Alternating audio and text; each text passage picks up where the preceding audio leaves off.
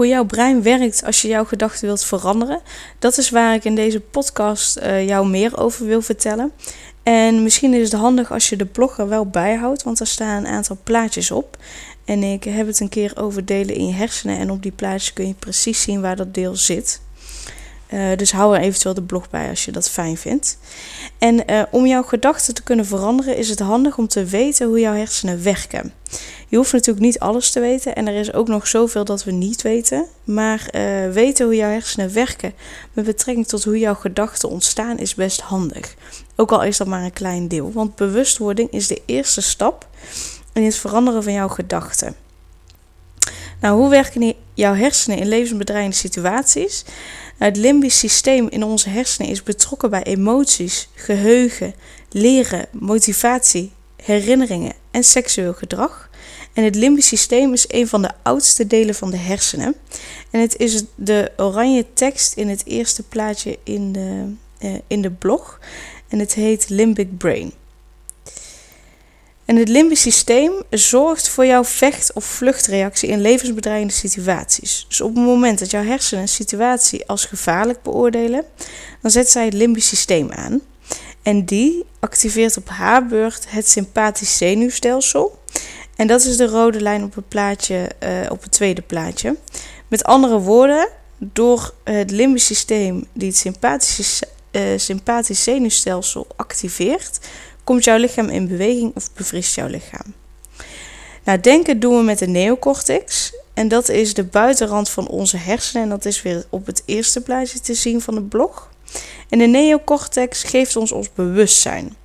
Door de neocortex kunnen we situaties beredeneren en het helpt ons iets te leren en te onthouden. En ook de neocortex is betrokken bij levensbedreigende situaties. Hij checkt namelijk achteraf of de beslissing van het limbisch systeem goed was. Dus of het vechten, het vluchten of het uh, bevriezen, of dat dat goed was. Bovendien kijkt de neocortex of het weer veilig is. Zo ja, dan zorgt hij ervoor dat we weer rustiger worden. De neocortex werkt langzamer dan het limbisch systeem, maar is wel nauwkeuriger. Nou, wat blijkt, je leert razendsnel in levensbedreigende situaties. En dat komt uh, door ons limbisch systeem. Dat snelle leerproces komt tot stand met behulp van de amygdala. En de amygdala is het kleine amandelvormige figuurtje in het derde plaatje op de blog. En de amygdala, eh, de amygdala stuurt de stresshormonen aan.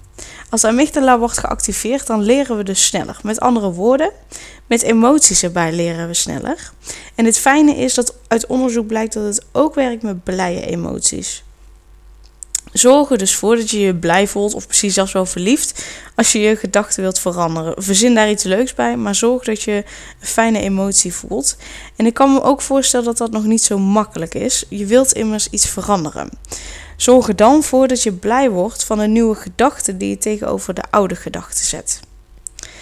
En om het limbisch systeem en dus de amygdala en zijn stresshormonen te activeren, zijn jouw belemmerende gedachten al voldoende. Dus de negatieve gedachten zijn al voldoende. Want die negatieve gedachten, die leiden dus tot negatieve gevoelens. Dus jouw limbisch systeem denkt dat hij jou moet aanzetten tot bevriezen, vluchten of vechten. Waardoor de amygdala weer wordt geactiveerd en dat leidt tot stress. Dus de bron van deze vorm van stress is jouw gedachten. En gelukkig kunnen, kun je jouw gedachten zelf veranderen. En uh, vaak laten we gedrag zien dat automatisch gaat. Zo van, uh, dat hebben we nou eenmaal zo geleerd, dus dat doen we zo. Maar gelukkig kunnen we dankzij ons bewustzijn, dus dankzij de neocortex, ook onze situatie, dus ons gedrag uitstellen. En daarmee creëer je nieuwe mogelijkheden voor nieuwe gedachten en nieuw gedrag. Nou, wil je weten hoe je jouw uh, hersenen nieuwe gedachten en nieuw gedrag kunt leren? Dan uh, kun je de blog leren over train jouw hersenen. Daar staan, uh, staat informatie over hoe jouw hersenen uh, ja, een nieuw bospad creëren eigenlijk. Daar gaat het over.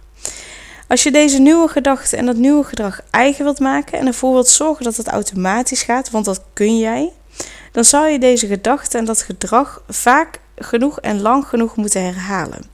Doe dat minimaal 40 dagen elke dag. Want dan ontstaan dus nieuwe gewoontes.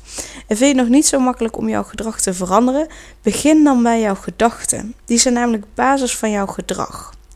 Dus bedenk hoe je je wilt gedragen En bedenk welke gedachte jou daarbij het beste kan helpen.